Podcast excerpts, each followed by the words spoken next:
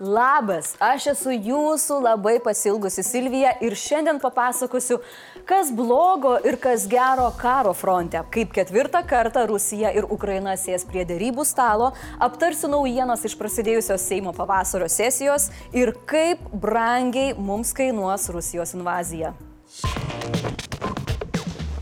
Šiandien eina 14 galingo Ukrainos pasipriešinimo okupaciniai rusų kariuomeniai diena.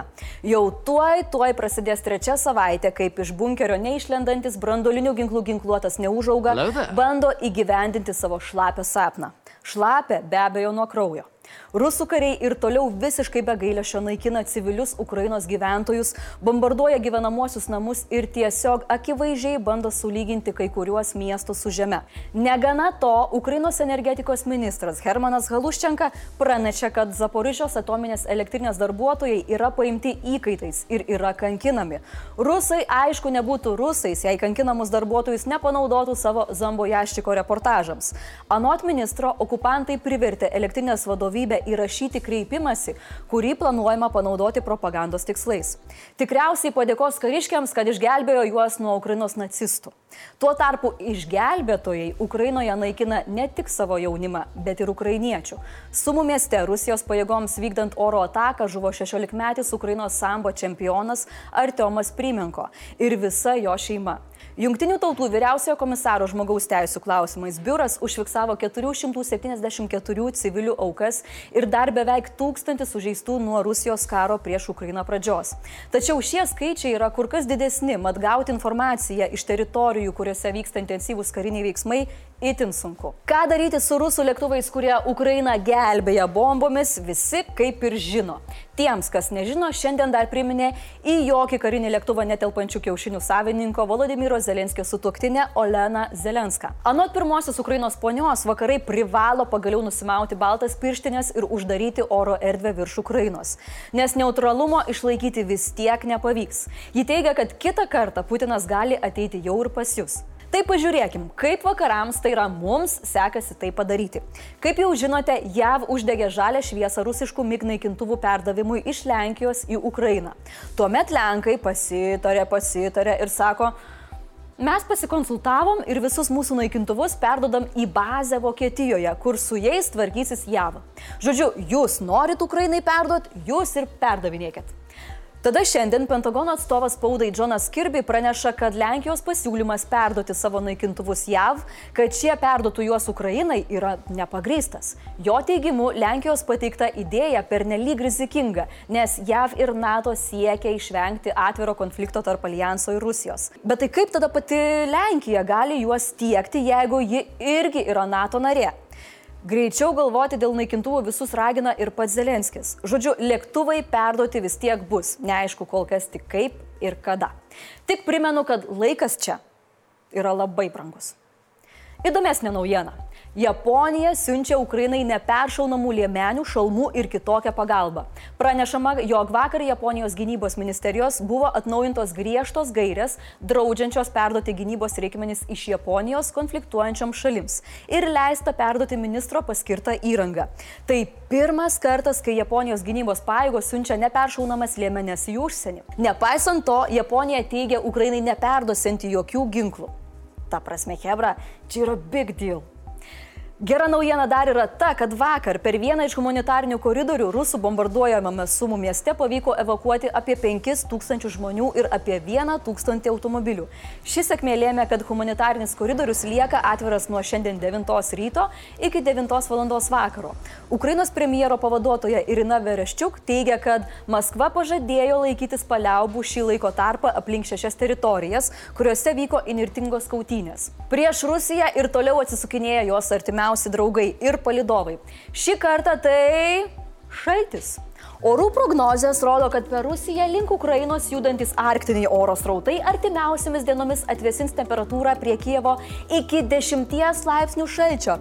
Dėl vėjo termometrai telefonuose rodys feels like minus 20. Tai reiškia, kad ten sutelta Rusijos karinė įranga virs 40 tonų sveriančiais šaldikliais. Puikiai proga susirinkti visus savo karius, o tiksliau tai, kas iš jų liko, ir išgabenti namo. Laikykis Ukraina. Rusija ir Ukraina prie dėrybų stalo sėdo jau tris kartus. Kol kas nei vienas raundas nebuvo nei naudingas, nei produktyvus. Rytoj bus ketvirtas bandymas, kurį organizuoja Turkijos prezidentas Redžepas Taipas Erdoanas Antalijoje. Pirmajam raundui Maskvos ir Kyivo delegacijos susitiko prie Ukrainos ir Baltarusijos sienos šalia Pripetės upės. Abi šalis važiavo su konkrečiais tikslais. Ukraina reikalavo, kad Rusija nedelsiant nutrauktų ugnį ir išvestų savo paėgas iš jo jos teritorijos.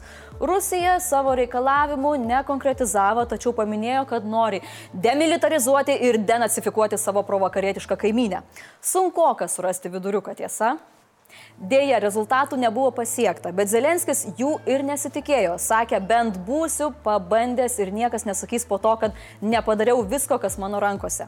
Antrasis raundas įvyko kovo 3 dieną Belovežo gyrioje Baltarusijos Bresto regione, netoli Lenkijos sienos. Jis irgi nebuvo produktyvus.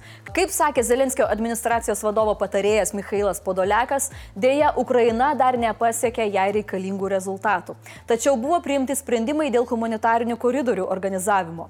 Trečiasis raundas baigėsi vos prieš porą dienų, kovo 7 prie Baltarusijos Lenkijos sienos vėl Beloveže. Nors proveržis nepasiektas, Mikhailas Podolekas sakė, kad yra prošvaiščių. Buvo pasiekti nedideli teigiami poslinkiai gerinant humanitarinių koridorių logistiką. Kitaip tariant, abi šalis gerins humanitarinių koridorių logistiką, o tada Rusija ramiai apšaudys civilius ir pasinaudos koridoriais savo technikai. Beje, jei Ukraina trečiąjį raundą vertino gana pozityviai, tai Rusija nebuvo patenkinta visiškai. Turkija sugebėjo surinkti Rusijos ir Ukrainos užsienio reikalų ministrų susitikimą Antalijoje kovo 10 dieną. Tai galima sakyti rodo tam tikrą potencialą. Tiesa, nors Turkija yra NATO narė ir Ukrainos sąjungininkė, tačiau jis siekia palaikyti gerus santykius su Rusija, nes yra priklausoma nuo jos importo. Tačiau tuo pačiu tiekia Ukrainai kietuosius bairaktarus. Tai kaip čia suprast? Sunku būtų tikėtis, kad ketvirtas kartas prie stalo bus lemiamas. O kas bus toliau? Nėra aišku. Putinas save įsispraudė į kampą. Jis jau nebegali atšaukti karo ir sugražinti pajėgų namo. Kuo sunkesnis karas ir kuo daugiau aukų, tuo labiau jis jau spaudimą parodyti kažkokius realius pasiekimus. Tuo tarpu Zelenskis turi du realiausius pasirinkimus - atiduoti Rusijai Donbaso regioną, oficialiai pripažinti prorusiškus disidentus Ukrainoje, pažadėti, kad Ukraina neįstos į NATO, sumažinti savo kariuomenę ir paskelbti neutralumą. Arba pasiūsti rusų karo laivą Nahui. Bet tada tūkstančiai, o gal dešimtis tūkstančių ukrainiečių žus ir yra tikimybė, kad Ukraina praras nepriklausomybę. Beje, NATO narystės atsisakymas yra tikėti tikėtinas, bent jau taip leido suprasti Zelenskis interviu metu, kai išreiškė nusivylimą alijansų bei nenorų priimti nepatogių sprendimų. Labai tikiuosi, kad tai nereiškia, jog Zelenskis pasirengęs nuolaidoms. O kaip manote jūs, kuo pasibaigs naujos darybos rytoj? Parašykit komentaruose. Šiandien prasidėjo pavasario Seimo sesija, kurioje be ne pats svarbiausias klausimas mūsų krašto gynybą. Tai yra, kiek didinsime išlaidas krašto apsaugai ir ar pasieksime 3 procentus ar ne. Turiu Jums iš karto atsakymą. Hmm, kol kas ne. Bet net ir be 3 procentų skaičiukai yra įspūdingi. Vyriausybė pritarė finansų ministerijos siūlymui beveik 300 milijonų eurų didinti išlaidas krašto apsaugai. Jos sieks 2,52 procento bendrojo vidaus produkto. 300 milijonų. Neblogai raumenukus pasiauginsime, ne? Ką šie papildomi pinigai mums duos? Duos laiko ką mes dabar buvom suplanavę pirkti 27, 26, 27, mes tankstinam. Kariuomenės vadas sako, kad tai, ką buvome suplanavę, buvo labai gerai apgalvota, todėl iš principo nereikia keisti pirkimų turinio. Tiesiog viską gausime truputį anksčiau. Čia žinoma, jei gamintojai spės prigaminti. Beje, jaučiu, kad nesunkiai pasieksime ir tuos 3 procentus, nes dabar galima sakyti prasidėjo politinių jėgų lenktynės. Kas pasiūlys daugiau? Esu iš tos politinės bendruomenės, kuri pritarė ir ragino stiprinti gynybą before it was cool. Tai dabar visi turbūt lenktyniauja procentais, kas pasiūlys didesnį procentą. 3 procentus gynybai siūlė ne kas kitas, o jo ekscelencija Gitanas Nausėda. Prezidento patarėjas Povilas Mačiulis perdavė valstybės vadovo pasidžiaugimą, kad yra ne tik pasiūlymas, bet ir politinė valia iš partijų pusės.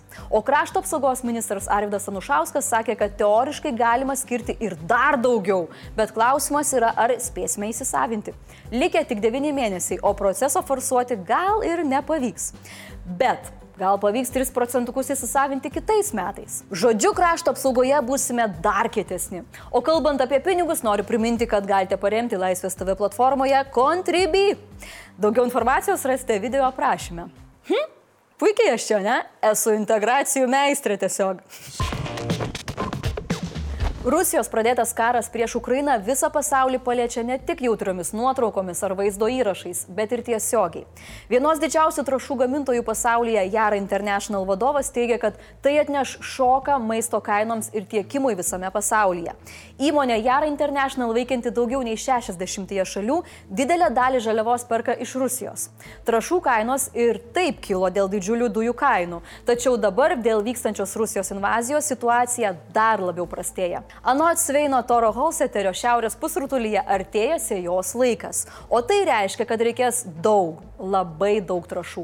Tačiau dėl pažeistų tiekimo grandinių jas gauti bus itin sunku. O būtent Rusija ir Ukraina yra vienos didžiausių trašų ir apskritai maisto tiekėjos pasaulyje. Pusė visos planetos populacijos maistą gauna tiesiogiai dėl to, kad egzistuoja trašos. Tai jei trašų sumažės, derliaus sumažėti gali ko ne per pus. Anot įmonės vadovo klausimas yra ne ar mes atsidursime pasaulinėje maisto krizėje, o kokio dydžio ta krizė bus. Pati Jara International tiesiogiai nuo sankcijų kaip ir nenukenčia. Bet dėl to, kad su Rusija niekas nenori bendradarbiauti, darosi sunku tas žaliavas atsigabenti. Aišku, įmonė ieško ir alternatyvių tiekėjų, tačiau galimybės riboja laiko stoka. Įmonės vadovas praneša, kad problema sukelia ne tik žaliavų trūkumas, bet ir tai, kad Jara International padaliniai Europoje trašas gamina naudodami rusiškas dujas, kurių kaina skirtingai nei Rusijos ekonomika vis kyla ir kyla. Nepaisant to, Sveinas Holseteris teigia smerkiantis Rusijos karinius veiksmus Ukrainoje ir teigia, jog ilgesnėje perspektyvoje visam pasauliu reikia mažinti priklausomybę nuo Rusijos. Tačiau tuo pat metu reikia palaikyti trašų tiekimą ūkininkams. Nu klasika, su viskuo sutinkam, bet nieko daryti nenorim. Situacija ką tik dar labiau pablogėjo. Ukrainos vyriausybė iki šių metų pabaigos uždraudžia rūgių, miežių, grikių, sorų, cukraus, druskos ir mėsos eksportą. Draudimas numatytas šiandien paskelbtame ministrų kabineto nutarime. Na, o Rusijos dujos yra dar kitas galvos skausmas. Europos komisija pristatė veiksmų planą, kuriuo siekime jau iki šių metų pabaigos dviem trečdaliai sumažinti rusiškų dujų importą, o iki 2030-ųjų sąjungai tapti visiškai nepriklausomai nuo rusiškų energijos išteklių. Tačiau kai kurios šalis, pavyzdžiui Vokietija, ragina tą daryti ne taip skubotai, nes kaina vartotojams būtų nepakeliama. Ir atsisakyti tikrai sunku. Net 40 procentų dujų ES gauna iš Rusijos. Iš ten atsigabena beveik pusę reikiamo kiekio anglies, o rusiškos naftos importuoja beveik trečdalį. Sutarimą tarp 27 bloko šalių paprasta rasti nebus. Pati komisija pripažįsta, kad bent kol kas vartotojams teks susitaikyti su augančiomis kainomis, tačiau šiokią tokią kompensaciją žada. Pinigai nukentėjusiems įmonėms ir vartotojams galėtų būti skirti už parduotus taršos leidimus. Tarptautinio prekinio kredito bendrovė Coface prognozuoja, kad dėl Rusijos sukelto karo Ukrainoje infliacija šiemet papildomai padidės bent pusantro procento, o dėl priklausomybės nuo Rusijos naftos ir gamtinių dujų iš visų pasaulio regionų nuo karo pasiekmių labiausiai nukentės Europa. Sažininkai, aš net nebežinau, ko gero palinkėti. Aš gal nueisiu tiesiog Blitzą paskaitysiu. Blitz naujienos. Rusų užimta Černobilio atominė elektrinė atkirsta nuo išorinio elektros tinklo, reikalingo palaikyti elektrinę saugumui. Elektrinė turi atsarginius generatorius, kuriuose kūro užteks dviem parom. Ukrainos valdžia ragina pasaulį priversti Rusiją atstatyti elektros tiekimą į Černobilio atominę elektrinę. ES šalis sutarė išplėsti sankcionuojamų oligarchų sąrašą, taip pat sugriežtins atsiskaitimų kriptovaliutomis kontrolę bei didins spaudimą Rusijos laivininkystės sektoriui. Bendryje praneša, kad yra sutarimas nuo SWIFT atjungti tris Baltarusijos bankus. Viskas. Pagaliau vakarietiškų kompanijų pavyzdžių pasiekė ir Amerikos simbolių laikomas didžiausias pasaulyje užkandinių tinklas McDonald's, kuris stabdo savo veiklą Rusijoje. Bet pala, pala. Didžiausias pasaulyje gėrimų gamintojas Coca-Cola taip pat traukėsi iš Rusijos, Pepsi irgi. Beje, jeigu cheeseburgerius ir kolą rusai bandys kompensuoti buterbrodais su šlapenkė ir baikalu, tai Heinekeno produkcijos rusiškais birzgalais nekompensuosi. Oi, sparčiai grįžta Rusija į SSSR, oi, sparčiai, oi, oi, oi. oi. jeigu sėdit namuose ir nelabai turit ką veikti, visada galima pažaisti su kaimynų katinu.